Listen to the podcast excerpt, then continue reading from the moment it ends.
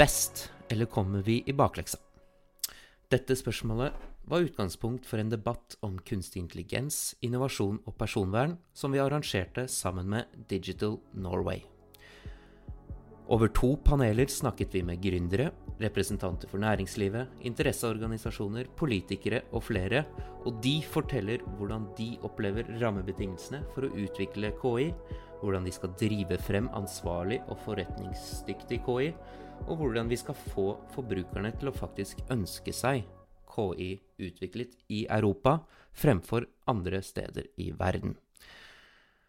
Panelene ble ledet av Liv Dingsør i Digital Norway og Kari Laumann i Datatilsynet. Dette er del tre av vår serie med opptak fra debatter under Arendalsuka.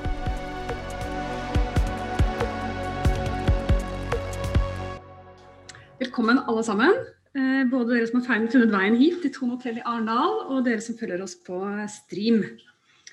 Vi har jo fått en verden eh, nå hvor persondata er det nye gullet. Og den nye gullsmeden det er jo da eh, programmereren og algoritmesnekkeren som da skal foredle dette gullet med kunstig intelligens.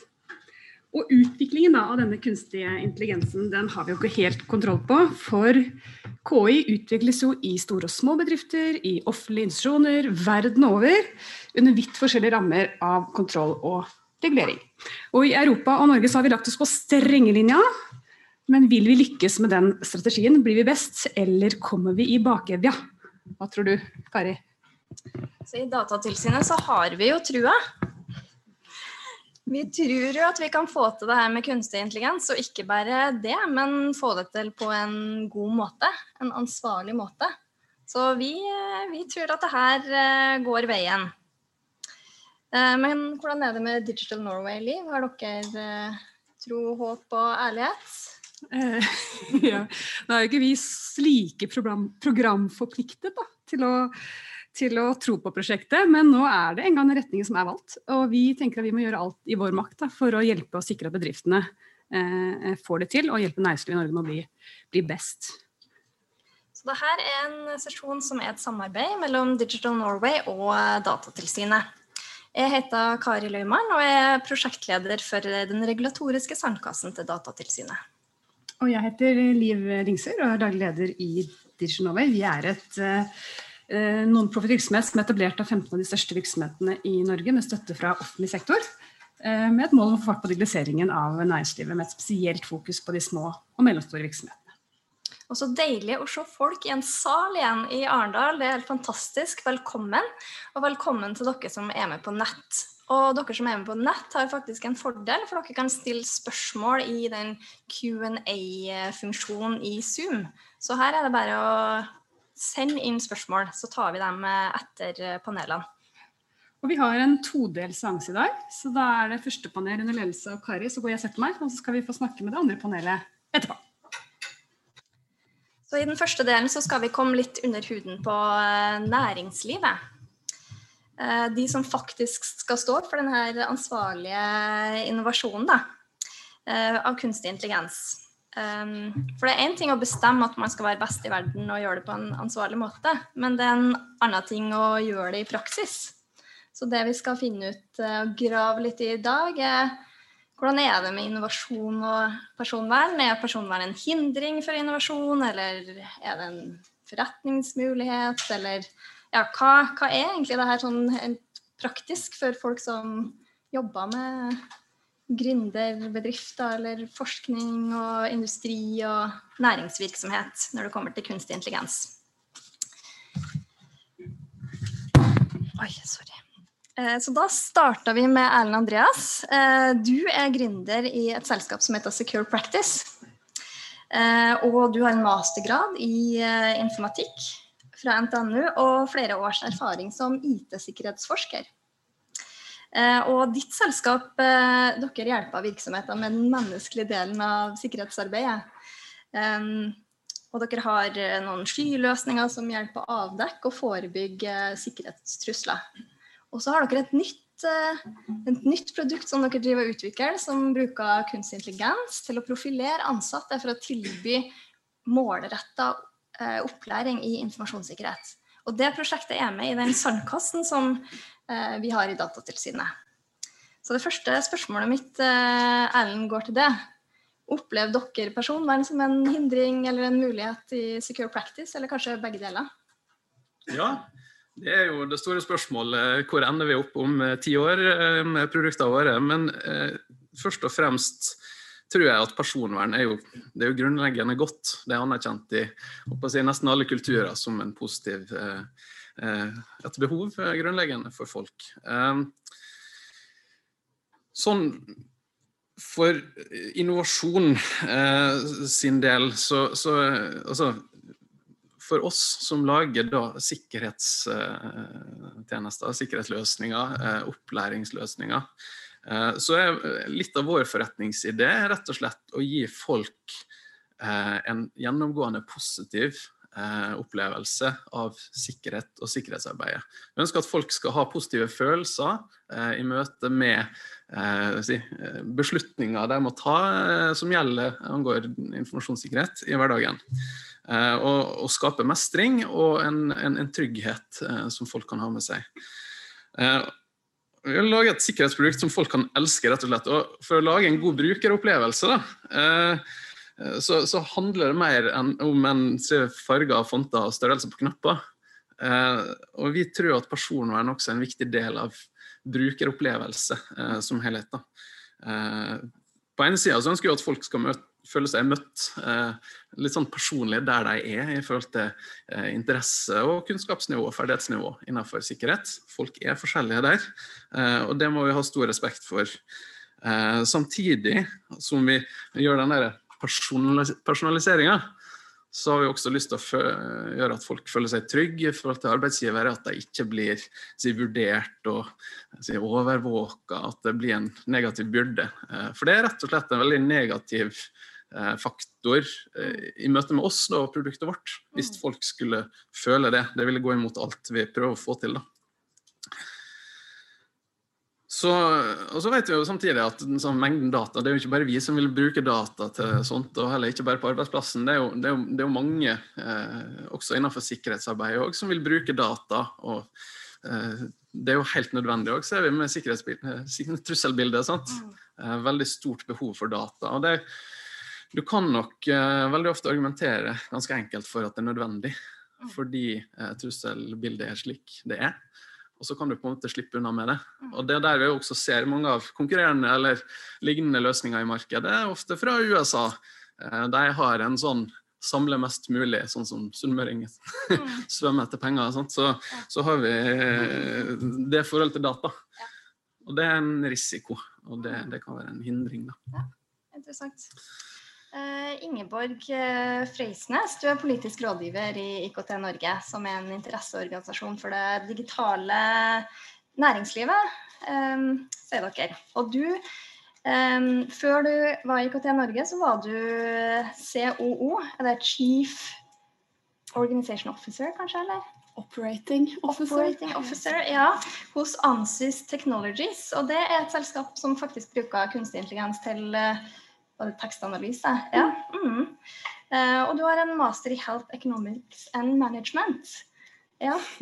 Og nå har du hørt uh, en liten gründerbedrift, hvordan de tenker rundt uh, personvern, og er det en hindring eller en mulighet? Men har du noen tanker om resten av det digitale næringslivet? Hvordan oppleves personvern når man prøver å skape noe nytt?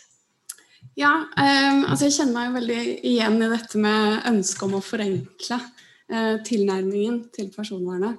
Eh, IKT Norge er jo, eh, som du sa, en interesseorganisasjon eh, for IKT-næringen. Vi har nærmere 400 medlemmer. Og det er alt fra store aktører til de bitte små startupene. Så det er komplekst medlemssammensetning sånn sett, men det de alle forholder seg til, er jo data. Mm. Og det er mange ting eh, i bruken av data som kan være en utfordring. Um, men dette med personvern er så utrolig viktig nettopp fordi det handler om tillit. Det er jo noe man hører ofte. Men tillit eh, og omdømme er helt avgjørende for at man har en IKT-næring, eh, for å sette det litt på spissen. Mm. Um, og en av de store utfordringene eh, når det gjelder personvernlovgivning, er jo også ikke bare kompetansen hos næringslivet, men i stor grad også eh, kompetansen hos, altså i markedet, hos kundene. Og det er klart at For våre bedrifter så er eh, offentlig sektor den største, stor, stor viktig kunde. Og det er ofte de som eier dataene man jobber med også. Mm. Eh, så de sitter på et spesielt ansvar i anskaffelser mm. Eh, og innkjøpsprosesser. Og det er kanskje noe vi har sett har vært en kjempeutfordring. Jeg eh, nevner et eksempel som da er innenfor skolevesenet. Veldig sårbar gruppe. Veldig sårbare data på mange måter. Og når da kommuner skal gå til innkjøp av løsninger i skolevesenet, og har da Altså, I teorien så kan våre edtech-leverandører uh, møte på 365 ulike tilnærminger til uh, personvernlovgivning, med minimale forskjeller, gjerne. Mm. Og det er klart at det er ikke skalerbart. Mm. Uh, og det er nok en, en, veldig stor utfordring for mange. Mm. Ja, interessant. Og så til slutt her, så på enden så har vi Anders Brini. Du har en master i eh, engineering, engineering cybernetics. Høres veldig vanskelig og fancy ut. Eh, og du har akkurat fått en ny jobb i Kongsberg Digital. Eh, før så var du forretningsutvikler i Sintef, og du har jobba mye med det som kalles industriell IT.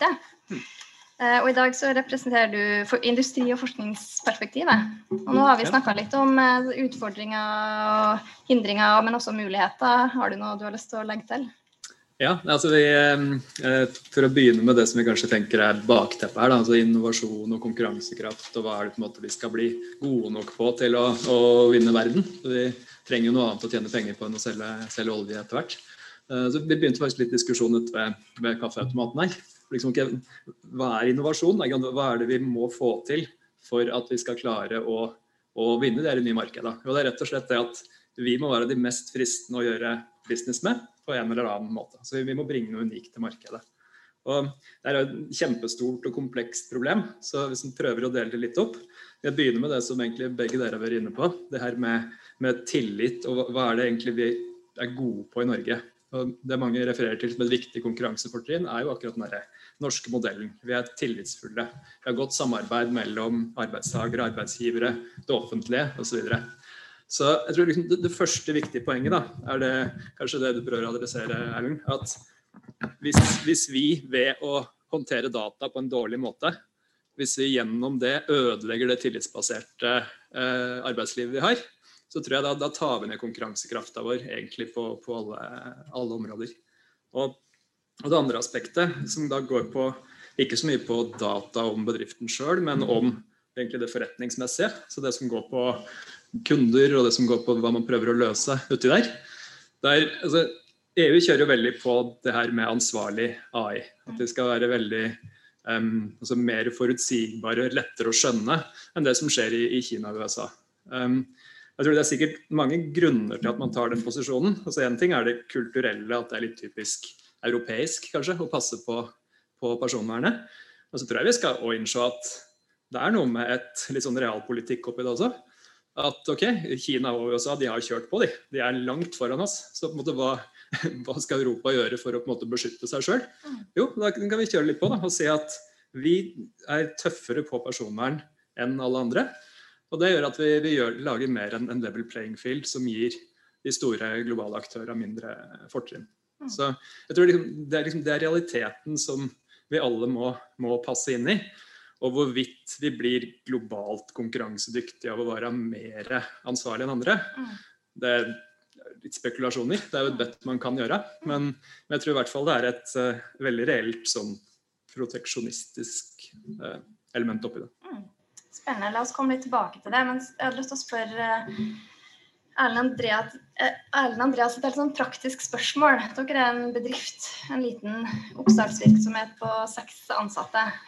Dere har mange ting dere skal forholde dere til. Og så er det personvern, og der er det et regelverk eh, med 99 til tider seige artikler. Hvordan er det å forholde seg til det? Ja, eh, GDPR er jo eh, stort. Og for en startup som har pri 1 å overleve i ganske lang tid i oppstarten, så er det klart at det gir ikke seg sjøl for en startup å prioritere det automatisk. Um, help, sånn pro tip eh, hvis du skal lese GDPR, bare dropp andre halvparten. Det, det er ikke relevant eh, hvis du er startup. Um, men eh, det med å bli utfordra på det av en kunde, en betalende kunde, kanskje en offentlig kunde Vi fikk en offentlig kunde første året vi var i drift, som ville ha en pilot. Eh, og gjennom det kom vi i kontakt med 30-40 sluttbrukere og fikk allerede da starte refleksjoner omkring hva de tenkte at arbeidstakerorganisasjoner ville snakke om når det her ble innført osv. Og, og det å få den sparringa tidlig og ja, et offentlig system som, som, faktisk er interessert i å kjøpe løsninger, kan være veldig positivt. Og jeg tror For en startup, det å bygge inn personvern fra begynnelsen av så Vi har innebygd personvern i programvare, men jeg tenker innebygd personvern i bedrifter er faktisk et konsept som, som bærer eh, veldig godt. For det er så sinnssykt mye enklere å begynne fra scratch eh, når du ikke har massevis av gammel eh, moro som du egentlig ikke har lyst til å ta i eh, senere. Da. Jeg er blir, helt enig, men tror du den jevne lille virksomheten har det? Altså, er du kanskje litt spesielt interessert? ja, vi driver jo med sikkerhet, og vi utvikler også kurs i personvern og, og sånn i, i løsningen vår. Klart jeg er over snitt interessert. Men jeg har også veileda en, en masterstudent på NTNU for et par år siden som, som intervjua flere startups omkring ja, sikkerhet og personvern eh, som startup. Og et av funnene der var jo at den første, altså den første kunden som stilte krav til compliance, eh, det var det som trigga fokuset. Eh, og det er en veldig viktig faktor her som vi kan ta med oss. Ja, Spennende. Anders, hva tenker du må til for å hjelpe næringslivet for at personvern ikke skal være en hemsko, men at man skal få det til å ikke unngå å bruke personopplysninger, men at det skal være lettere å gjøre det i praksis? da? Ja. Aller først vil jeg stille meg bak det du sier på at, at det på mange måter kan være enklere hvis en er en startup, å starte med litt sånn clean sheets. Vi har vært innom litt av den prosessen i, en, i, i større organisasjoner, da, hvor, hvor du har legacy-systemer som er potensielt eh, 20 år gamle. Og det da på en måte å grave seg rundt og finne fram, det er en liten idrett eh, i seg sjøl.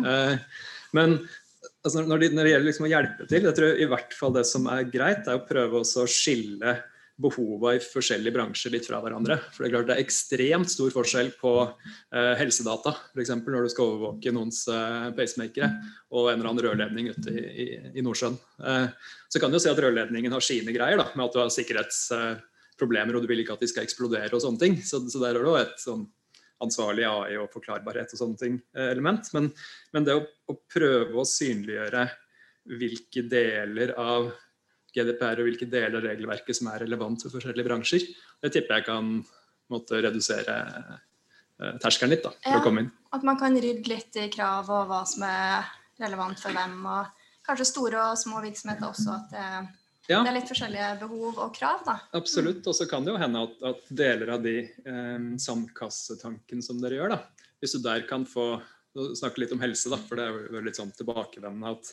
jeg, jeg jobba i Sintef, det er litt vanskelig å få alle til å liksom ha fullt trøkk på helse. fordi du vet at da, da tar det mye lengre tid fram til du kommer i gang med de kule tinga, enn hvis du driver med helt andre ting. Mm. Så på en måte det der å, å, å, å ha gode testmiljøer og gode sandkasser for de mest krevende industriene, det tenker jeg kan være et godt, eh, godt tiltak. Mm. Eh, Ingeborg, hva tenker du må til for at man skal få til godt personvern? Eh, Gjør vi nok? Hva med norske politikere? Er de på ballen? Og en sånn sandkasse, er det et relevant verktøy? Trenger vi andre verktøy?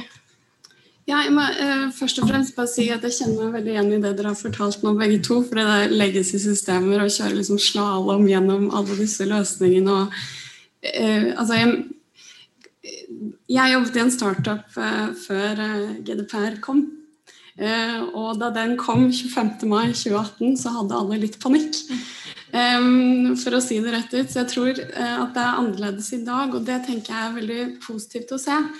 At eh, det å eh, starte i dag, være liten i dag og kunne bygge opp med bevisstheten om hvordan vi behandler data, hvordan vi behandler folks data, hvordan vi samler det inn, hvordan vi lagrer det, hva vi skal bruke det til, osv. Den bevisstheten, det har jo gått veldig kjapt, egentlig. Og det er jo fordi man til en viss grad er blitt tvunget til det av denne type innføringer, og det har vært markedet har bedt om det. Markedet har bedt næringen om hjelp til å få det til. Så mye ansvar har jo også falt på næringen. Eh, og det er jo alltid Altså veiledning er jo alltid noe man eh, ønsker seg. Samtidig så er det klart at mange av de Mye av de erfaring, eller kompetansen man får, er jo bygget på erfaringer. Og vi kan ikke eh, se for oss alle scenarioer. Eh, og det er også noe av utfordringen, spesielt med kunstig intelligens. Eh, Uh, og jeg skal ikke begynne å snakke om eh, EU-forslaget til regulering av kunstig intelligens, men det blir voldsomt omfattende. Uh, og det blir det derre hva som står på papiret, og hva som skjer i virkeligheten. Det gapet der er det som skaper en uforutsigbarhet for næringen, og det er jo det man alltid er litt skeptisk til. Men for å svare på spørsmålet ditt, ja, uh, så er det jo dette med veiledning kjempeviktig. Så jo som en oppfølging av den nasjonale KI-strategien vi fikk i fjor, at man har nå et ressurssenter for data. man har den digitale, eller regulatoriske sandkassen. Eh, man begynner nå å få datafabrikker. Eh, man begynner å få et sånn fryktelig bevisst forhold til data. Og også at pandemien kanskje har bidratt til at forbrukere, altså enkeltmennesker, også har fått et mye mer bevisst eh, forhold til personvern. Så alt dette hjelper, men man kan jo alltid gjøre mer. Ja. Ja, bra. Anders, hadde en kommentar. Når du nevnte det med, med, med, regulativer for AI, det er et utrolig spennende og krevende tema. For veldig ofte så er det jo ikke sånn at, at du, det er et AI-system, det er superveldefinert hva det er, og det er bare AI, og så alle andre systemer er noe annet. Så altså, det her flyter jo over i hverandre. Og jeg synes at det å, å stille så enormt mye større krav til systemer som er AI-systemer enn andre systemer, blir for meg litt rart. For det, altså Forklarbarheten til et system kan være elendig, sjøl om du ikke har en eneste maskinlæringsalgoritme inni der. Så det er, det er ikke noe automatikk i at ting er så, så, lett å skjønne hvis det bare ikke er AI. Så det er en litt mer sånn holistisk syn på det enn det type forslag til reglement. Det, ja. Okay, det gjelder heldigvis uavhengig om du bruker Excel eller uh, maskinlæring. Men det nye EU-forslaget i EU går jo spesifikt på, på, AI. da. Men jeg har lyst til å plukke litt det du sa med brukerperspektivet. For én ting er jo å følge regelverket, du har noen regler. Men hva med brukeren? Eh, Erlend Andreas, eh, dere har jo kunder, og så har du jo også en sluttbruker som på en måte er den ansatte. Hva er deres rolle i, i, det med innovasjon? Er det en etterspørsel, et ønske, et behov? Vi snakka litt om tillit. hvordan Vi har jo også gjennomført en sånn eh, bruker- eller en samtale med ansatte. Da. Eh, brukermedvirkning i, i, forbindelse med Sandkassen. Kanskje du kan si noe om hva du lærte fra, fra de ansatte vi snakka med? Ja, eh, det er jo på generelt grunnlag alltid, syns jeg i hvert fall, og jeg tror mange er nyttig å involvere sluttbrukerne når du lager et system. Eh, det ville ja, eh, dumt hvis, eh, hvis, vi fortsatt ikke gjorde det. Men det er alltid også en, en, alltid en øyeåpner å, å, få alle de innspillene som kommer fra en sluttbruker, hver seg det ene eller andre. Hva, hva, de legger i ordet personvern eller kunstig intelligens, eller eh, hva er det her som vurderer meg nå. Jeg, jeg, tror at altså Et av de funnene våre er jo at folk vil jo generelt sette pris på å få enda bedre tilpassa eh, opplæring. Eh, og så er jo litt spørsmålet der med transparens og tillit, da, som vi har prøvd å utforske ganske grundig. Eh, hva skal til for at folk stoler på algoritmen? Eh, er det å fortelle mest mulig? Eh, eller eh, minst mulig. eller akkurat passe. og det, er nok kanskje det siste, da, ikke overraskende. Eh, men det å fortelle mest mulig kan, det kan fort bli en, en måte at folk kan liksom game systemet på. og igjen kanskje føle at det her funker ikke, og du faktisk reduserer tilliten til systemet. Men samtidig så er det viktig å ha, og særlig det med altså formål, altså formålet vi behandler data for, at det alltid er krystallklart. Eh, det er et veldig viktig grep, og enkeltgrep egentlig også, for at uh, brukere skal ha tillit til at uh, det her gjøres ordentlig. Mm. Og at du ikke går bort ifra å utvide og glir ut fra det formålet. Så at vi også kan definere det tydelig, og også gjøre de tekniske løsningene slik at ikke arbeidsgiver, vår kunde, kan komme til uforvarende eller med overlegg og misbruke systemet til, til overvåkning og sånn. Ja, Det er spennende. Det er mange grå eller spørsmål. F.eks. det med transparens. GDPR gir ikke noe svar på akkurat hva må du si. Så det å høre sluttbruker eh, er jo veldig relevant for å gjøre den vurderinga på en god måte. Alltid like gøy å få det rett i fleisen fra ærlige folk. ja, så bra. Eh, imens eh, så kan jeg kanskje komme litt tilbake til det du nevnte, Anders, helt innledningsvis, med, det der med den, den internasjonale dimensjonen. Har dere noen tanker om altså gjør, Dere sa at det er en mulighet, det kan være en konkurransefordel at man har strengere krav, at man kan stole og ha tillit. Men altså, hvis man konkurrerer i et marked med produkter fra USA eller andre land, stiller, man med et handikap ved at man må være ansvarlig og har visse krav til løsninger? Noen som har lyst til å svare på det? Sånn sett har det jo snakka om det med, med level playing field. Da. For det er klart at konkurrerer du i et globalt marked, så betyr jo det at de andre òg konkurrerer i et globalt marked. Som eh, Vi i Kongsberg da, vi har tenkt å gjøre skipsfart grønnere og sikrere i hele verden. Og da må vi jo forholde oss til de strengeste reglene. Mm. Og det gjelder jo også konkurrentene våre, selv om de kommer fra Kina eller fra, fra USA. Mm. Så Sånn sett så hjelper det her å, liksom, å lage en grunnmur da, som, som, alle forholder seg til. Mm. Eh, men det er jo kanskje litt annerledes hvis en ikke har et helt globalt perspektiv, men så lenge en har det, så tror jeg det er ganske krevende for bedrifter å si at nei, vi bryr oss ikke om Europa. Mm. Vi vil bare sikte utafor, liksom. Mm. Det er stort nok til at det er, er et uh, Selvfølgelig er du kinesisk og du har et hjemmemarked på 1,3 mm. milliarder mennesker, så er jo det lite grann. Ja. Men, uh, men, for de fleste som vi reelt konkurrerer mot, da, så, ja. så er det det. Mm. Ingeborg? Ja, altså, uh, jeg tror det skal godt gjøres at det faktisk noen gang blir en equal playing field her, altså på den globale arena. Mm. fordi det er jo Personvernlovgivning er jo ett aspekt av et ganske sammensatt bilde. Altså, det er jo mange andre komponenter som gjør at det er annerledes å utvikle eller bruke teknologi i USA og, og Kina. Um, så det kan jo være alt fra tilgang på privat kapital til uh, skatte, skatter og osv. Uh, eh, men det som er interessant å se, er jo at uh, altså dette Europa har jo hatt en langsiktig strategi og satsing på uh, data på kunstig intelligens også, eh, og på dette med å sikre eh, hva skal vi si, EUs tillit. da. Mm. Eh, og på så måte er Norge helt avhengig av å være med på EUs reise, nettopp fordi vi er avhengig av det markedet, spesielt hvis det blir et indre digitalt marked. Det handler om digital suverenitet, det handler om menneskerettigheter, europeisk eh, den europeiske menneskerettighetskonvensjonen osv. Så, videre. Så det blir ganske sånn sammensatte problemstillinger. Mm. Mm. Men så ser man at i USA for eksempel, så har jo tech-gigantene begynt å regulere seg selv. Mm. Eh, fordi det kommer ikke kjapt nok eh, ting fra myndighetene. Og myndighetene kobler det ofte personvern mot eh, antitrust, eller altså konkurranselovgivning. Og så ser man også at Kina nå begynner å, å også regulere i større grad basert på um, personvernhensyn. Eh, mm, spennende. Jeg tror vi kommer litt tilbake til det i neste panel også. Men Erle Andreas, du har jo et produkt som potensielt konkurrerer med amerikanske produkter, som kanskje kan tilby mer inngripende eh, verktøy, eller ta mindre hensyn til en del av de tingene som du må ta stilling til. da.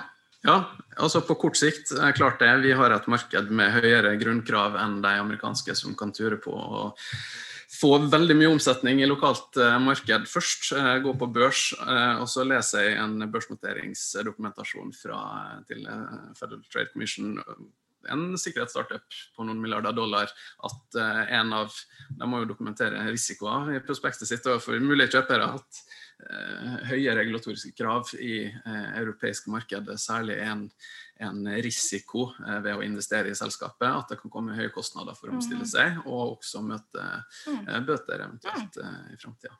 Så det er klart at uh, Hvis pendelen svinger, uh, og faktisk amerikanere også begynner å bry seg om det her, så er vi allerede der, mens de må slite med gammel moro uh, i sine system som amerikanske leverandører. Men det er klart, de òg vil jo tilpasse seg europeiske markedet. Med alle de pengene de har, så kan du være veldig god på det også. Ja. Supert. Tusen takk til panel 1. Det var kjempefint å snakke med dere og interessant å høre hva dere, deres erfaringer. Tusen takk.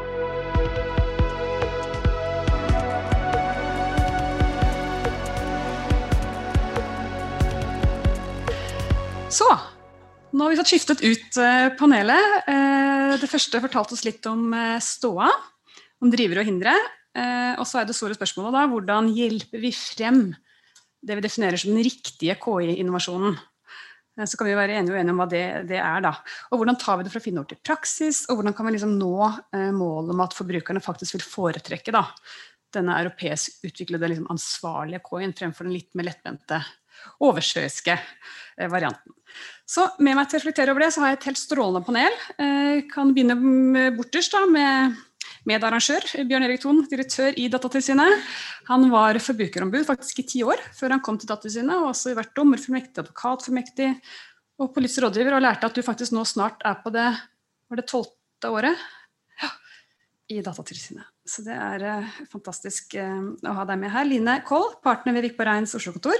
Ekspert innenfor personvern og digitalisering. Du jobber jo praktisk opprett med klienter i forhold til dette med praktisk implementering og etterlevelse av personvernregelverket. Og så er du også fast medlem av Personvernnemnda. Så mens uh, Kjetil Torik Brun, leder for teknologi og digitalisering hos Abelia, jobber med næringspolitikk, har veldig bred og spennende bakgrunn for næringslivet. Og så vet jeg at du er veldig opptatt av hva som skal til for å forløse konkurransekraften i norske kunnskaps- og teknologibedrifter. Og sist, ikke minst, Toril eh, Eidsheim, stortingspolitiker for Hordaland og Høyre. Sitter nå i kommunalkomiteen og er leder for noe veldig spennende som heter Stortingets teknogruppe, som vi håper vi skal få høre litt mer om etter hvert. Så velkommen til alle fire. Det er noen ord jeg på en måte har hørt igjen og igjen og igjen i under Arendalsuka. Det er eh, kompetanse, data og infrastruktur. Det er alle opptatt av. Og det er klart at for økt verdiskaping fra, fra KI og, data, så må jo vi ha et forhold til alle de tre. Det er noen forløsende krefter der. Og Kjetil Abelia la frem omstillingsbarometeret her under Arendalsuka. Og det var jo litt grunn til bekymring, eh, vil jeg vel si. Hva hindrer en mer positiv utvikling for Norge? Altså, Hvordan skal vi snu trenden? Og det Er spørsmålet, er det liksom uforutsigbarhet og strenge regelverk eh, både nasjonalt og fra EU som hindrer innovasjonslyst og skremmer bort kapital, eller hva er det som gjør at liksom, pilene begynner å peke nedover? Ja, det er et godt spørsmål. Kanskje jeg først skal begynne å Er det der på, forresten? Hører dere? Der. Beklager det. Um, kanskje jeg skal begynne med å si liksom, hvilke piler er det som egentlig peker nedover. Uh, fordi Det vi da har lansert tidligere denne uken, her er jo som du sier, omstillingsbarometeret. Og Det vi gjør der, er jo egentlig å forsøke å ta tempen på norsk evne til å omstille økonomien til en bærekraftig digital økonomi. Um, og det vi gjør er at vi sammenligner med andre land. for Det er jo tross alt konkurransekraften vår internasjonalt som, som det dreier seg om. Og det vi ser der er jo at at uh, dessverre så lyser det veldig mange varsellamper uh, innenfor teknologi- og digitaliseringsfeltet. Så vi går jo ned f.eks. på uh, internettilgang, på internetthastighet, som er jo virkelig helt grunnleggende, som du er inne på, med, med infrastrukturdimensjonen av det. Um, vi går ned på bruken av teknologi og digitalisering i offentlig sektor, i næringsliv og i befolkning. Um, og ikke minst, og kanskje det som egentlig bekymrer meg mest, er vår relative størrelse og omfanget av IKT-sektoren er veldig liten. Og der er vi faktisk nesten helt nede i bunnen, altså, eh, internasjonalt eh, sammenlignet. Og Det ene der er jo at det er jo synd, som du sier, så brenner jeg veldig for hvordan vi kan skape flere arbeidsplasser, få frem flere bedrifter og få dem til å lykkes. Og det største hinderet vi hører om hver eneste dag, mange ganger om dagen, det er kompetanse. De får ikke tak i nok folk. Um, og det er klart at dette her er jo si, en bekymring rundt dette med omfanget for sektoren i seg selv. for Med litt mer kompetanse og en del andre forutsetninger så kunne vi bygd dette mye større. Fått mange flere jobber der ute og drevet mye mer verdiskaping. Men det andre er jo rollen den næringen også har overfor andre. Vi så Samfunnsøkonomisk analyse hadde en rapport hvor de sa at 80% av produktivitetsveksten det kom fra IT-sektoren. Eh, og deres rolle inn i samfunnet ellers. Da. Så dette har masse å si for hele egentlig norsk økonomien.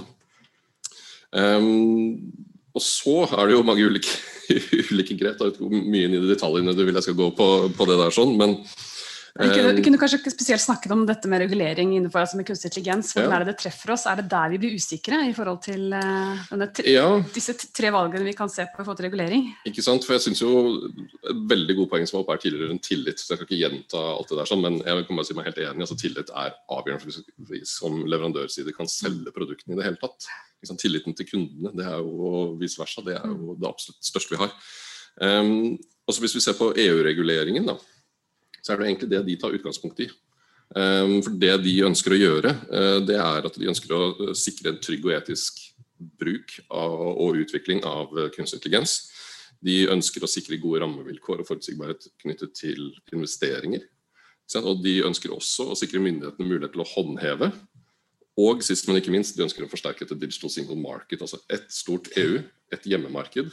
Anders nevnte, jeg mener det var Anders i hvert fall, som nevnte dette her med de store markedene, f.eks. Kina og, og USA.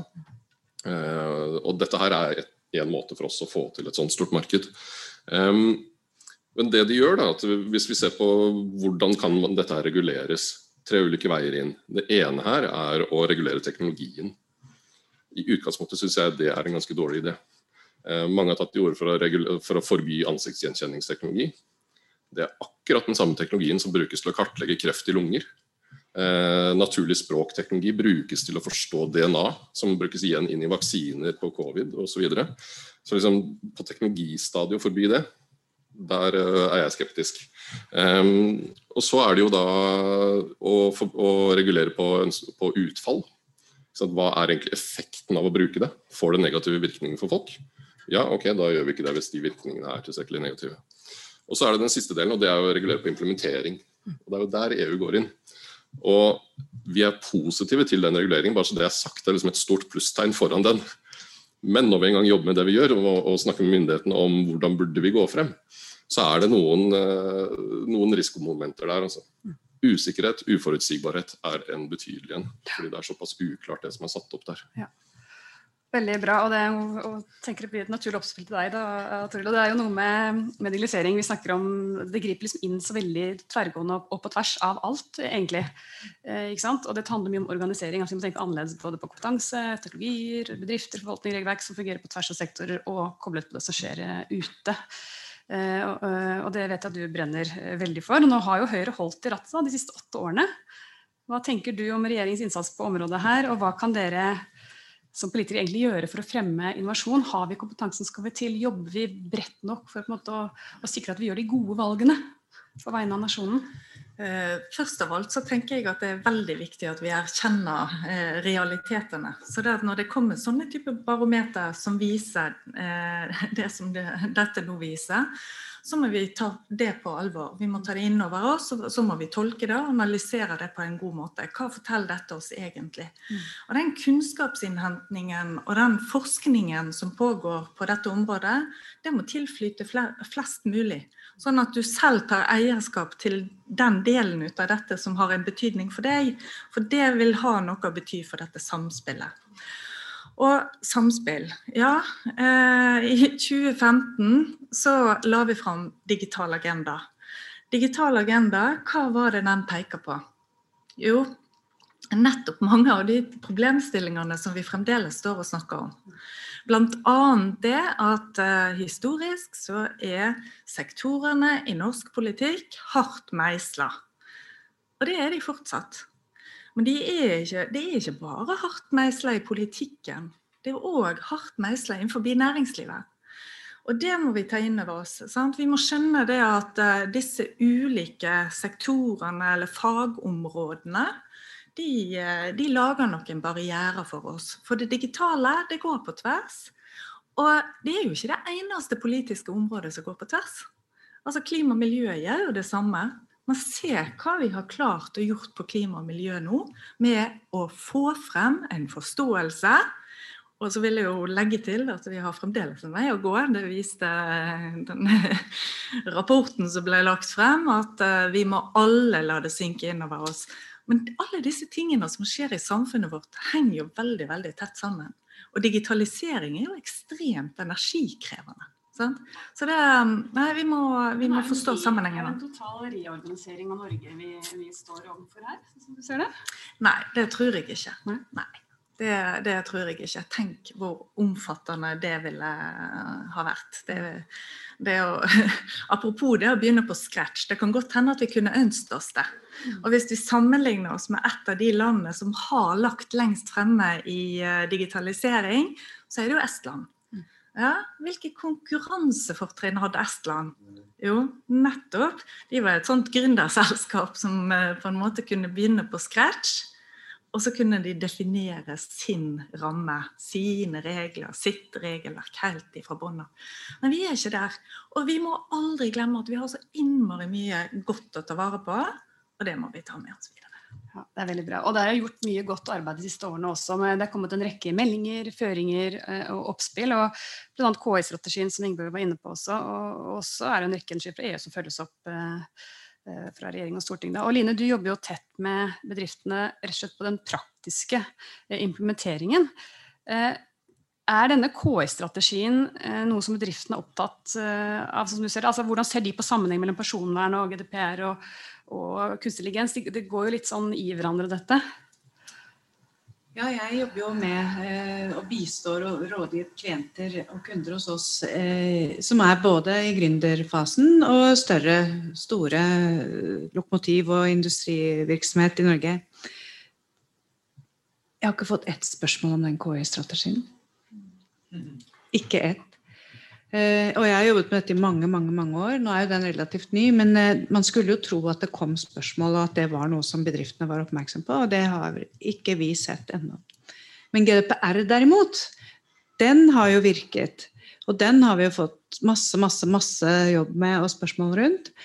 Men uh, jeg tror at det hovedsakelig Det var jo et veldig stort og omfattende regelverk på personvern før GDPR også, i Norge og Europa. Men da var ikke bøtene så store.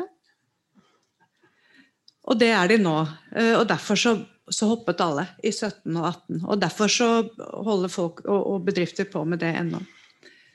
Så jeg Erfaringsmessig så må det mer lut til da, for at eh, bedrifter også skal være, bli opptatt av den eh, KI-strategien, tror jeg. Mm.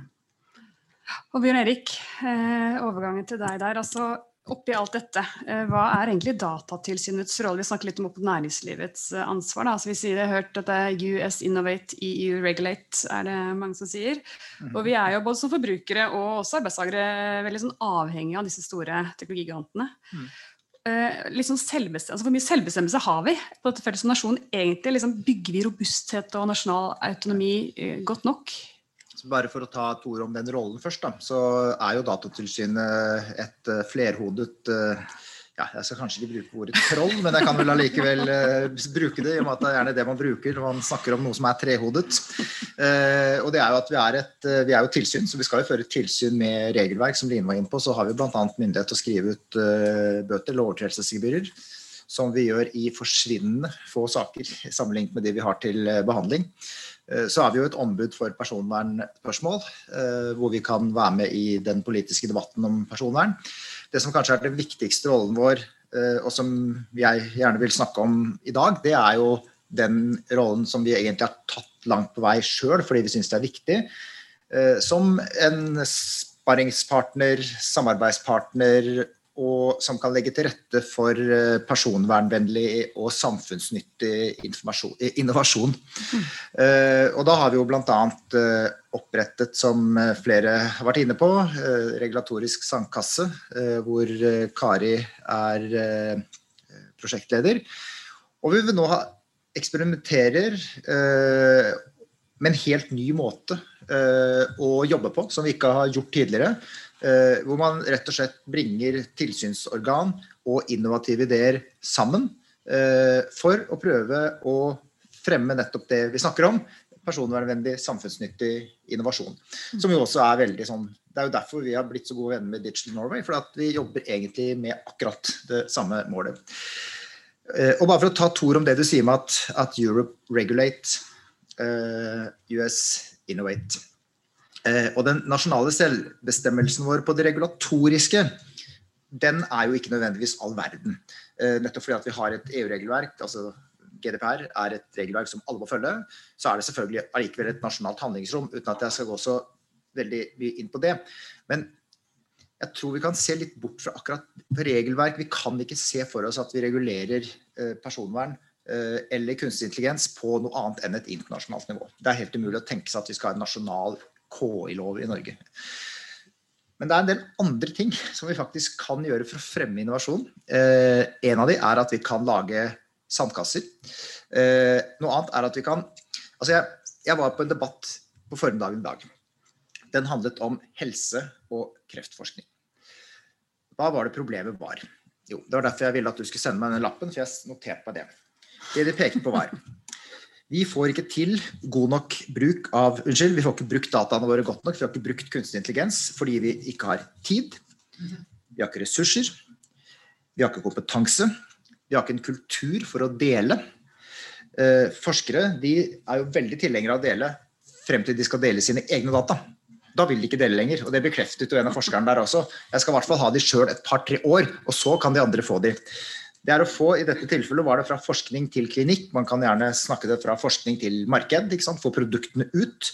Det var snakk om partnerskap, og det var snakk om eh, kompatible data. Mm. Eh, og som Jeg var på en annen debatt her hvor jeg litt freidig sa at Helse Sør-Øst har vel sikkert 3500 applikasjoner. Da ble jeg korrigert med at nei, nå har vi bare 1957. uh, eh, og det, det, sier noe om at det er utrolig mange utfordringer knyttet til det å jobbe sammen. Men dette kan vi regulere sjøl, for dette krever egentlig ikke regulering. Her kan vi lage gode prosesser. Uh, dere gjør det, vi forsøker å gjøre det. Og det er et enormt uforløst potensial nettopp på det å sette seg sammen og jobbe frem gode løsninger. Og der har vi jo, mener jeg, en helt unik kultur i Norge. Men vi er nok kanskje litt for opptatt av regler, hva kan gå gærent, hvordan skal vi kunne tape altså, så, det er masse sånne kulturelle ting som vi kan uh, jobbe med. Og så tror jeg noen gang at ting stopper opp fordi altså Noen ganger skjer at sikkerhet og personvern blir liksom sett på som en sånn hindring. Jeg tror i veldig mange tilfeller det ikke er noen hindring.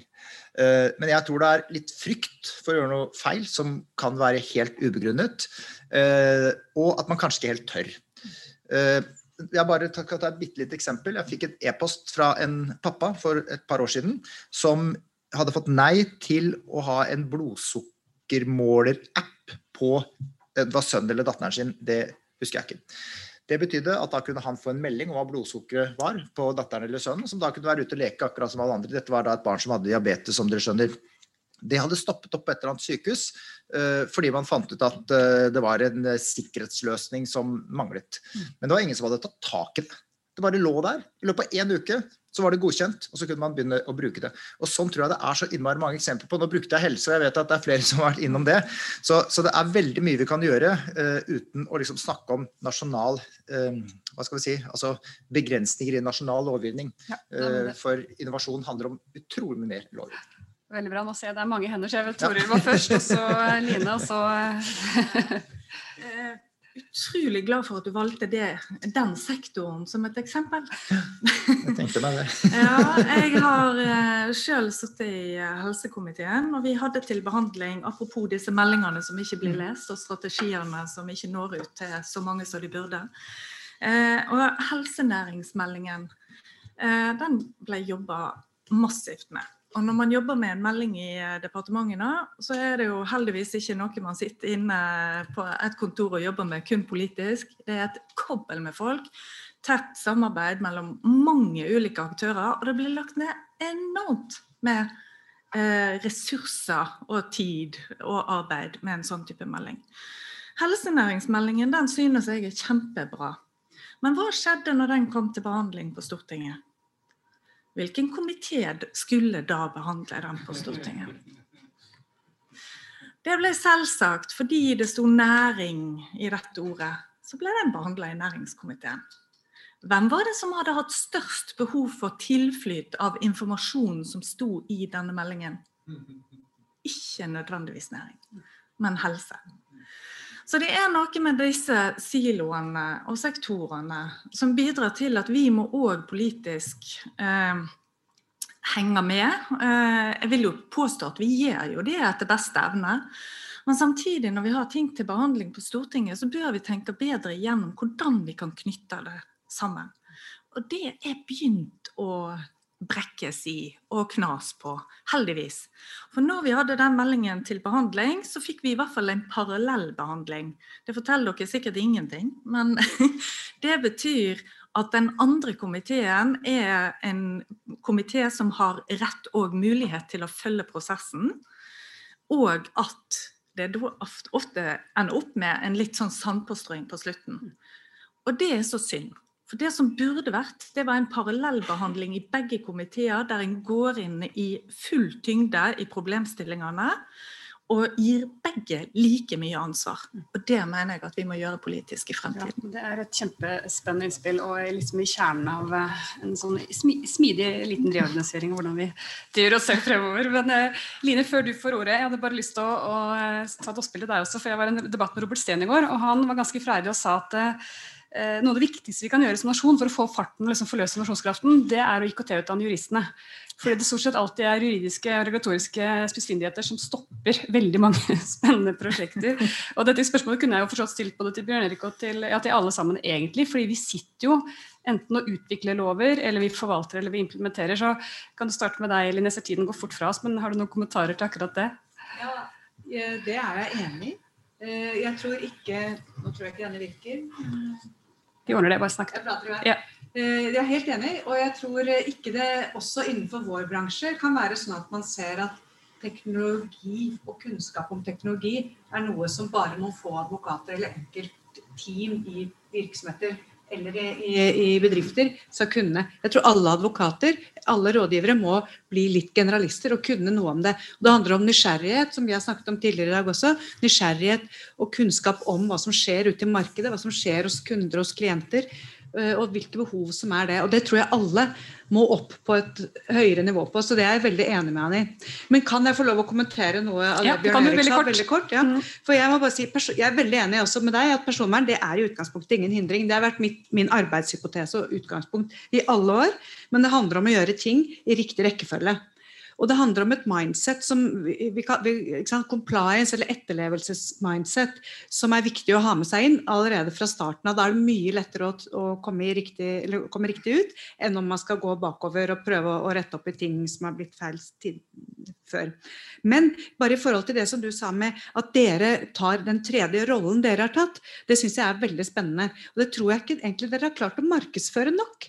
For det er heller ikke noe som jeg hører at klienter eller kunder hos oss er veldig inne i. Så det syns jeg er bare en sånn utfordring på dere. Og så må jo du, Datatilsynet, må jo da få med folk. Fordi det som vi opplever som, som rådige kunder, da, som sitter og sier ja, vet du, vi har ikke tid. Vi har ikke tid, for det tar for lang tid å få svar fra dere. Og det Derfor så må jo du bare bli dobbelt så mange, eller tilsynet må bli dobbelt så mange og dobbelt så flinke. Og så vil jeg bare avslutte også med eh, nettopp det med flinke. fordi det handler også om eh, litt kompetansen hos dere. Og da tenker jeg ikke på juskompetansen. Dere er superflinke jurister og teknologer, det vet jeg jo. Men det er et lite mangel, og det, en liten mangel, og det er at det er ikke så mange som har vært ute i næringslivet. Og det skulle jeg veldig gjerne ønsket meg. At du hadde enda flere som hadde vært gründere, som hadde sittet og kjent på kroppen, eller rådgitt kunder og, og klienter. Og, og, vært på den siden også. Det skulle jeg gjerne ønske meg. Da skal du få lov til å svare kort på det. Det, var en... Nei, det er jo, det er jo den, den utfordringa med markedsføring av den tredje rollen. Den, jeg tar den. Men samtidig så, så vil jeg nok si at altså vi fikk jo f.eks. i den regulatoriske sandkassen over 25 søknader på første runde. Eh, og vi har en enorm pågang fra folk som eh, eh, vil ha bistand fra oss, eller vil ha råd fra oss. Nå er det nok sånn at de som advokater som ringer til oss og ber om råd, er nok ikke de som står høyest på vår liste. Uh, nettopp fordi at noe av jobben til en advokat er å rådgi sine klienter, og det tar de 4000 kroner for.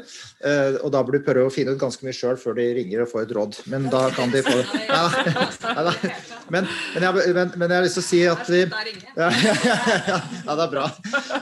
Men, men vi, vi Altså det med praktisk erfaring, selvfølgelig så er det kjempeviktig. Og igjen så er det noe av det som er viktig i Sandkassa. For der får vi jo nettopp den dialogen med eh, næringslivet som vi også har behov for. Og Det er jo en av de tre-fire formålene med Sandkassen. At vi også skal lære oss hvordan kunstig intelligens kan brukes, implementeres og si, utvikles i, i, samfunnet.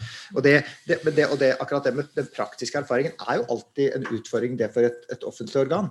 Men jeg tror nok at jeg med ganske stor sikkerhet kan si at vi er bedre enn de aller aller fleste på det. Mm. Nettopp fordi at vi er så utrolig mye ute og snakker med folk. Og vi er her nede, vi holder foredrag, vi har møter med ja, veldig veldig mange forskjellige. Jeg kan bare lyst til å si én ting helt til slutt, eh, for jeg regner med at dette er siste gangen jeg får ordet. Eh, og det, det er at